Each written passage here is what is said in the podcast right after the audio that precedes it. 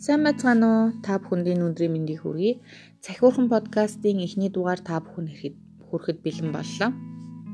Өнөөдрийн дугаараар бид зажлах үеийн гайхамшиг болон эрүүл мэнд цуврал номны байгалийн маск болон амны хүндийн арчилгааны тусламжтайгаар томог устгах мөлхийг ярьж болно. Энэхүү номыг Япон улсын эрдэмтэн ангаах ухааны доктор, ангаахын шинжлэх ухааны үндэсний сургуулийн зочин профессор Йошихидо Оказаки багш маань бичсэн байна. Ингээд та бүхэн номоо сонсоод эрэгтэй мэдээлэлээ олж авч чадна гэдэгт итгэлтэй байна. За ингээд эхэлцгээе. Хүй, ханаад үрчгээ юу да? Очгүй маань шалгалтанд бэлдэж байгаа. Ханаад үрчхүй гэсэндээ хуучин номын дэлгүүрээс ханаадны тухай ном авлаа. Шалгалтын үеч томоогийн илрэлтэд яг давцдаг шүү. Манай нэг найз Өндөр халуурсны улмаас их сургуулийн эсэлтийн шалгалтаа өгч чадалгүй дараа жил нь өгч илээ. Дээр үед хүүхдүүд ханиадтай байсан ч гэсэн хичээлдээ явдаг л байлаа. Ханиадны талаар ярьж байгаа л доо. Ханиад том хоёр ялгаатай гэж үү?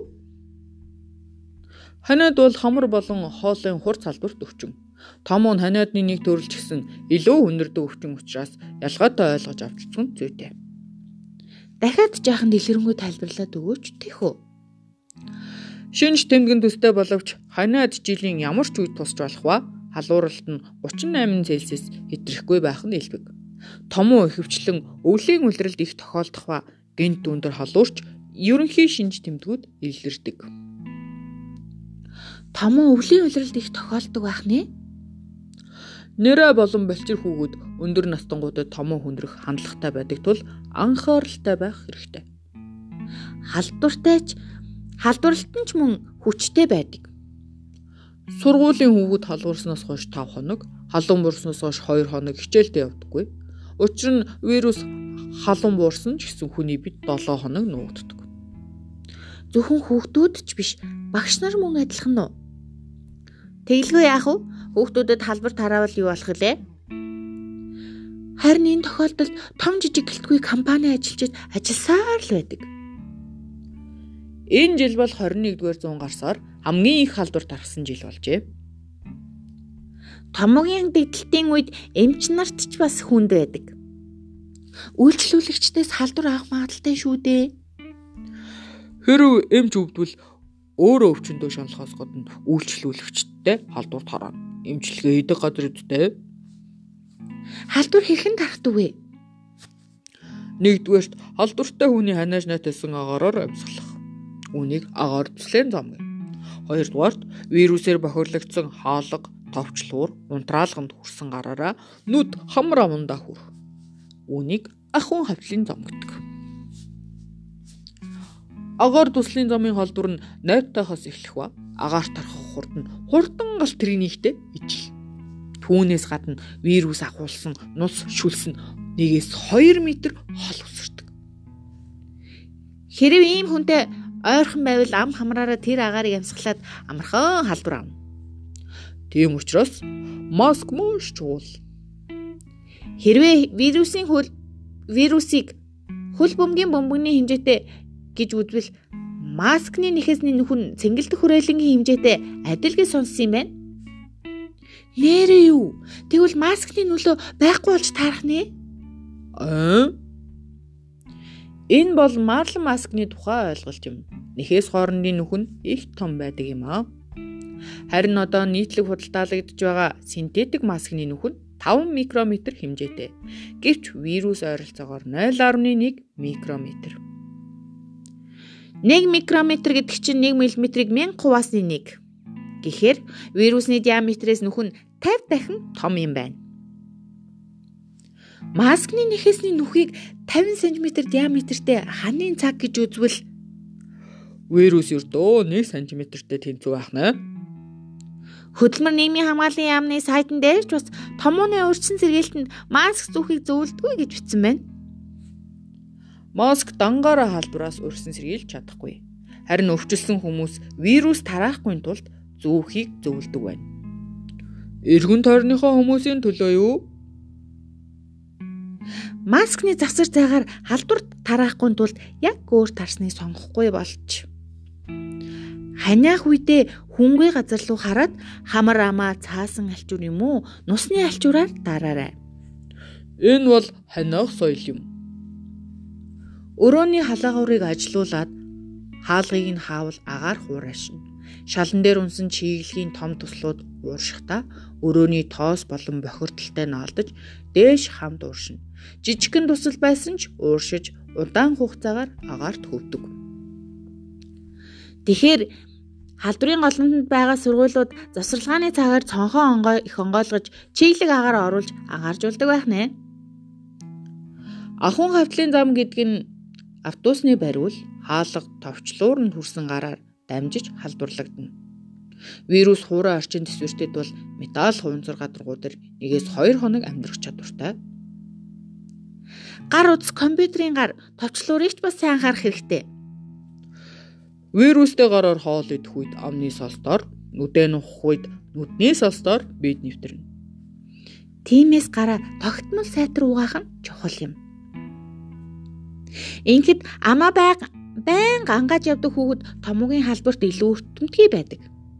Яагаад? Үүний тулд хамрын хамгаалах үүргийг үүргийн талаар ярилцъя. Бид өдөрт 10-аас 20 мянган литр агаараар амьсгалдаг. Үгүй ээлгүй дээ. Ерөнхийдөө айлын дундаж вааны хэмжээ 200 литр орчим байдаг. Тэгэхээр 100 ширхэг ваан гэсэн. Энэ нь зөвхөн нэг өдөр хамраар дамжиж өнгөрөх агаар юм. Энэ агаар дотор тоос, хог, бактери, вирусууд агуулгадж байгаа. Яг энэ агаар тэр чигээрээ бид нэвтрвэл өвчин үүснэ. Тийм учраас хамрын дүүс ургадаг том хэмжээтэй тоос хогнууд энд үлддэг. Хамгийн ихний хамгаалалт. Мөн үүнээс гадна хамрын дотор салбар хүчнээс наалтамхай зууралсан шингэн ялгарх бөгөөд бактери тоосыг өөртөө наалдуулна. Йоо жоом шиг харагдаж байна. Мөн маш жижиг жижиг үсэн цэртэй эсүүд байх ба туузан дамжуулагчийн зарчмаар гадны биетийг хоолойн дээд хэсэг рүү зөөвөрлөнө. Ингээд цэр болон биеэс гадагшлана. Харин зориглог бол ходоодны хүчлийн нөлөөгөөр бактери устна. Энэ бол хоёр дахь хамгаалт юм. Гэхдээ гадаа хүйдэн үед бичил үснүүдийн үйл ажиллагаа удааширдаг. Тиймээс хамрын дотор тал нарийн бүтцтэй байдаг. Хамрын дотор гадраг хялгсан судсаар баялаг ба асга 40 хэмийн хүйтэн агаарыг ердөө 1 секундын дотор биеийн дулаантай ойролцоо болтол бүлээзүүлнэ. Энэ бол 3 дахь хамгаалт юм. Ийм учраас томоо өвлийн үлрэлт их тохиолддог байна. Яа тэрвэ? Вирус хуурай орчинд төсвөртэй. Тийм учраас чиглэг байдаг зуны үйлрэлд ховор тохиолдог юм байна л да. Дөрөвдөх хамгаалалт нь чиглэг байдалтай холбоотой юу? Та бүхнээр би нэг тавар тоолгоё. Ханиа том хөрсөн үед шинж тэмдгийн хизээ хамгийн сайн мэдрэгддэг вэ? 1. Өглөө босоход 2. Өдрийн цагаар 3. Орой шөнийн цагаар 4. Унтаж байх үед. Өглөөс ирэхэд их мэдэрдэг байх та. Унтахын өмнө жоохон хамар битүү байвал өглөө босоо хоолой сэрэмдэг өдрийн цагаар баг мэдэгдэдгүү дээ. 50 орчим хувь нь өглөө босох үедээ анзаардаг. Унтаж байх үед вирус үржин олширч шинж тэмдэг илэрдэг юм байх та. Яагаад? Вирус хуурай орчинд төсвөртэй, чиглэг орчинд эмзэг байдаг. Бидний хамарнаас өдөрт ойролцоогоор 1 литр шингэн ялгарч байдаг. Амьсгалахад орсон хуурай агаар хамар болон хоолойд 80-аас 85%, уушхинд 100 орчим хувь чиглэг болдог. Өвөл амьсгал гарах үед цагаан өнгөтэй харагддаг нь ийм учиртай юм байна. Чиглэгийн хэмжээ ихсэх тусам вирусны амьдрах чадвар буурна. Нэгийг харьцах нь 10 болно гэсэн үг үү? Өөрөөр хэлбэл хамрын амьсгал нь вирусны эсрэг хамгаалт юм. Тэгэхээр вирус хамгаалтыг давж чадахгүй нэ. Гэвч амаараа амьсгалбал хуурай агаар шууд хоолойны арын хэсэг рүү орно. Вирус тухтаад орчихлоо. Том халдварлчлаа. Тиймээс хамрын амьсгалыг байгалийн маск гэж хэлж болно. Хүн унтаж байх үед шүлс ялгардаггүй учраас хамар болон хоолой хуурайшдаг. Яагаад? Хэрвээ ялгаруулвал ялгарвал унтаж чадахгүй шүү дээ. Шүлс амьсгалын зам руу сорогдно. Өдрийн цагаар хоол идэх ярих үед ам хөдөлж байгаа учраас шүлс их ялгардаг.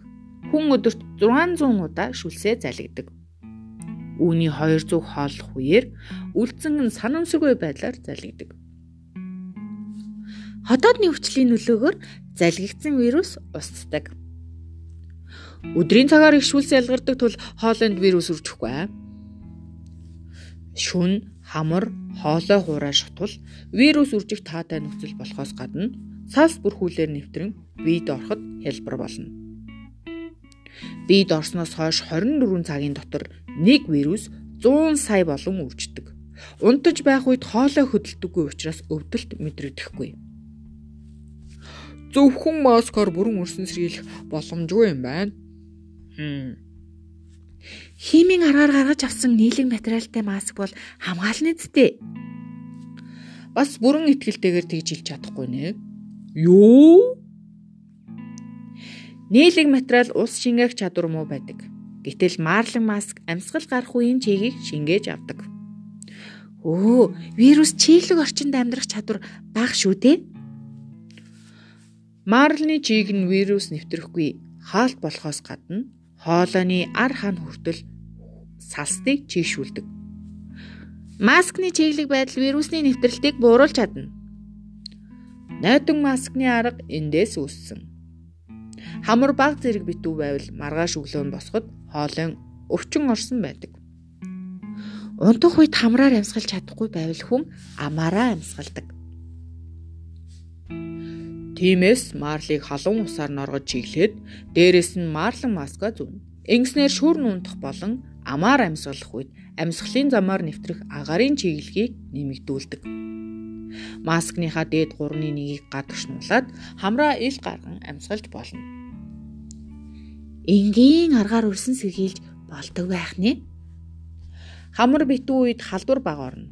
Гэхдээ залгуур болон цагаан мөгөөрсөн хоолой руу халдвар тарахад цэр үүсэн ханиалга нэмэгдэж өвчин хүндэрнэ. Тиймээс хоолойг чиглэг байлгах нь чухал юм. Миний хоолой хатгаар ярахад хэцүү байдаг шүү. Ханаа түргнүүдээ гэж бодогдох үед энэ аргыг тушаад нэг үзээрэй. Ахаад нэг хамгаалгаар байна пор пор пор. Орой унтахдаа орныхоо хажууд аягтай ногоон цай тавиад унт. Шүн сэрэхтэй баг багаар балгаад амаа зайлаад залгина. Вирус ходоодонд орж устгаас гадна хоолой хураашаас сэргийлнэ. Их бол олон дахин бие засах хэрэг гарах тул болгоомжтой байгаарай. Ногоон цайнд агуулгадах катехин химих бодис бактери вирусын эсрэг үйлчилгээтэй байдаг ногоон цай тамуугаас сэргийлэхэд туслана. Гэхдээ цайны кофеин их болохоор нойр сэргээгээд унтчих чадахгүй болчихно. Япон цай, хуурсан арван цай. Ногоон цайнд кофеин бага агуулгаддаг. Мэдээж томуунаас үрсэн сэргийлэх А, И, Ү, Б дасгалаа мартаж болохгүй. Амаа том ангагаад А, И, Ү бай гэж хэлээрэй. Амаар амьсгалахаас сэргийлж шүлс ялгаралтыг нэмэгдүүлдэг шүү. Баг сургуулийн хүүхдүүд А, И, Ү, Б дасгалыг хийхийн өмнөх болон дараах томоогийн өвчлөлийн байдал. Дасгал хийхийн өмнө өвчлөл 38% байжээ. 3 жилийн дараа 6% хүртэл буурсан байна. Гайхалтай юм аа дасгал хийхийн өмнөх жилд халдвар хамгийн их тархсан жил байсан бол тэр 3 жил өвчлөлийг тархаагүй гэж бодож байна. Энд өөр нэг сургуулиудтай харьцуулсан судалгаа байна. Хөөх хамгийн бага нь байна. Сургууль дээрээ дасгалыг хизээ хийдэг вэ? Өглөө орой үсэг тус бүрийг 10 удаа, орой усанд орохдоо дасгалаа хийдэг. Шүдний эмнэлгийн ажилчид ч энэ дасгалыг хийдэг. Нэг удаа зурагтаар амны хүндийн арчилгаан томуугаас сэргийлэх арга болно гэсэн мэдээ гарсан. Тийм үү? Наадах чинь амны хүндийн эрүүл ахуйтай ууршигны хадгалгаа холбоотой гэдгийг эртнээс хэлээд байгаа хэрэг. Үнэн дээр энэ бол судалгаагаа судалгаа шинжилгээгээр батлагдсан зүйл юм. Гэртээ байдаг өндөр настангуудад амны хүндийн арчилгааг нь нүүр амны эрүүл ахуйж хийж өгдөг. Амны хүндийн арчилгааны бүлэг амны арчилгаагаа өөрөө болон асран хамгаалагч нь хийдэг хяналтын бэлэг гэж тусад нь ялган судалсан.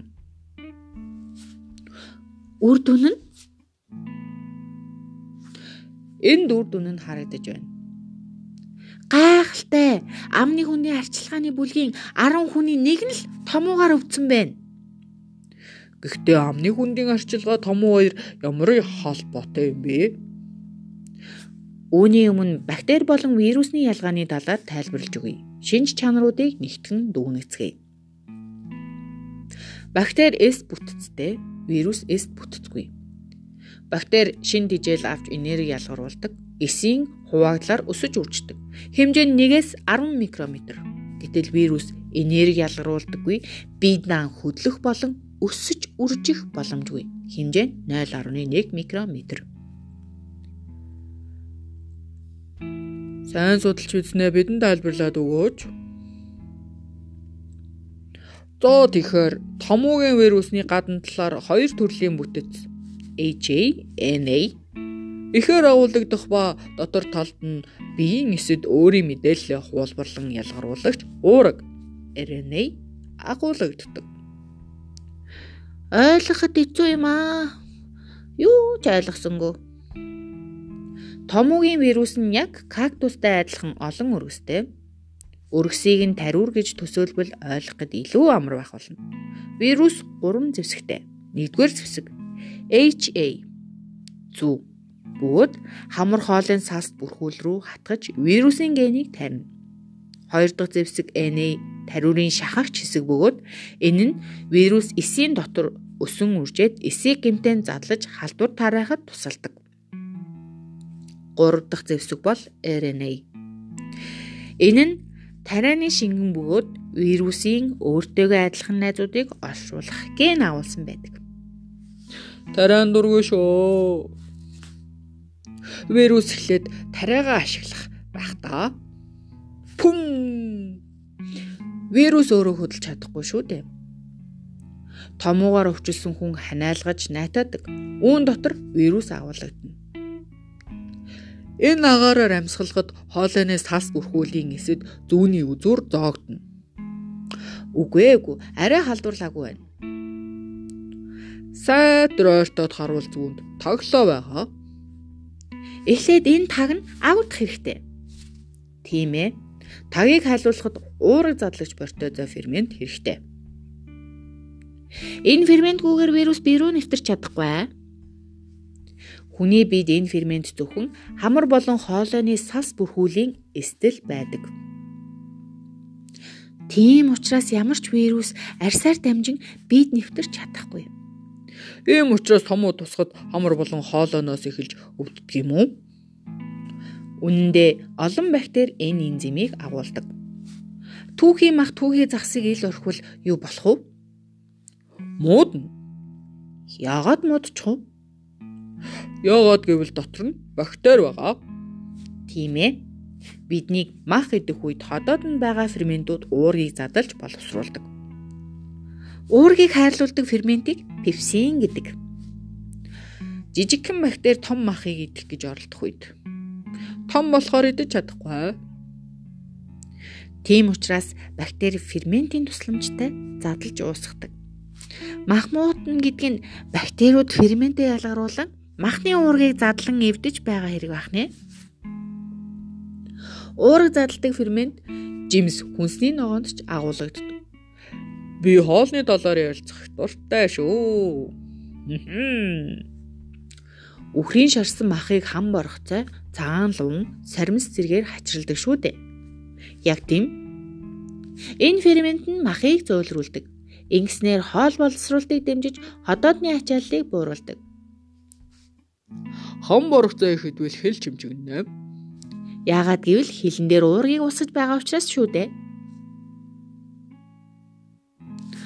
Нас захих тусам хилний хөдөлгөөн багсаж, шүлсний ялгаралт бууран хэл амархан өнгөртдөг. Хам борхцоо эзнэр энэ асуудлыг шийдэж чадна. Энэ цагаан толб нь уурагны бөө үнэрл юм байна. Бас амны эвгүй үнэрний шалтгаан болдог. Энэ фермент нь хилний өнгөрийг арилгахаас гадна хоол боловсруулалтанд тусалдаг. Сул тал нь вирусыг биед нэвтрүүлнэ хам моргоцоо эзний дараа хэл цэвэрхэн болж байгаа учраас шүдээ угаахгүй байвал а гэхдээ болгоомжтой байгаарай. Хамаагүй хідвэл шүд чинь хам моргоцон хүчилд хайлан шүү. Одоо эргээд тариурын шингэн RNA эсэд орж вирусыг хувлан олшруулдаг талаар ярилцъя. Эс эзлэгдэн. Ингээд эс 24-өөс 48 цагийн дараа вирусээр дүүрнэ. Яг пег дүүрэн автобус шиг. Энэ байдал үргэлжилбэл эс вирус 2 хуйлаа өөхөх болно. Тиймээс энд одоо тариурын шахах шахах хэсэг буюу NA гарч ирнэ. Санаа зовлгүй түлхээ. Хүс пас ингээд NA орсны дараа эс дэлбэрч вирусууд цацагддаг. Огоорын мөмлөг харахтай яг адилхан юм аа. Энэ бүхэн 48 цагийн турш тохиолдно. Энэ үед ойр орчмын эсүүдэд халдвар тарах уу? Гэхдээ тархсан вирус нь таглаатай байдаг. Тийм шүү. Тагийг хайлуулахад уураг задлагч фермент хэрэгтэй. Үнэн дээр амны бактериуд энэ тагийг хайлуулж чаддаг фермент агуулсан байдаг. Аманд бактери их байвал фермент их агуулгадна гэсэн үг. Тэгээд вирусны тагийг нэг нэгээр нь хайлуулна. Ингээд хоолой амьсгалын зам цацарсан вирус хурдан тархаж өвчин хүндэрдэг. Вирусны эсрэг эмэн тариурын шахуургыг хөдөлгөхгүй зогсоох үйлчилгээтэй байдаг.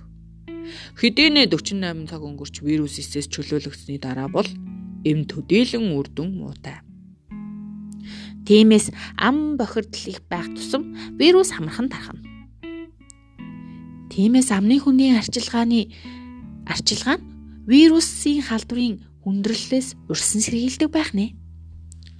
Амны хүндийн орчилгааг эхлээд 6 сарын дараа шалгаж үзэхэд бактерийн тоо буурсныг харж байна. Бактерийн тоо буурсан учраас вирусын тагийг хайлуулдаг ферментийн хэмжээч багассан мэт. Амны хүндийн цэвэр байх нь томууга сэргийлдэг гэдг нь батлагдлаа. Шүдээ хоол эзний дараа болон унтахын өмнө угаах нь маш чухал. Өглөө босоод хамгийн түрүүн шүдээ сайд руу угаах нь томуугаа сэргийлэхэд маш их тустай. Яагаад тэрвэ? Унтах үед шүлс ялгардаггүй тул бактери үржиж хэлбэрчдэг. Өглөө бактерийн тоо хамгийн их байдаг. Өглөө амнаас эвгүй өнөртдгийн шалтгаан энэ ээжээ. Шүдээ угаах үед бактериуд угаагдан гарч ам болон хил зочирсноор шүлс ялгардаг. Тэгэхээр зөвхөн унтахын өмнө биш өглөө босонгууд дамаа авах нь бас чухал юм байна. Олон хүнтэй автобус ажил дээрч тэр ханиадтай хүмүүс байсан ч амтны цэвэр бол томуу тусах магадлал бага байх болно. Уушигны эмчнэр өглөө босонгуудаа гэр бүлэрээ шүдээ угаахыг зөвлөсөөр байна. Ингэснээр яг үлээ. Томоогийн эсрэг эмний хэрэглээ эрс басна. Байгалийн маск бол томоогийн эсрэг хамгаалалт. Амны хөндийгөө арчилахад цаг зарцуулцгаая. Одоо манай ач хүү томуугаас сэргийлэх бүрэн хамгаалалтай боллоо.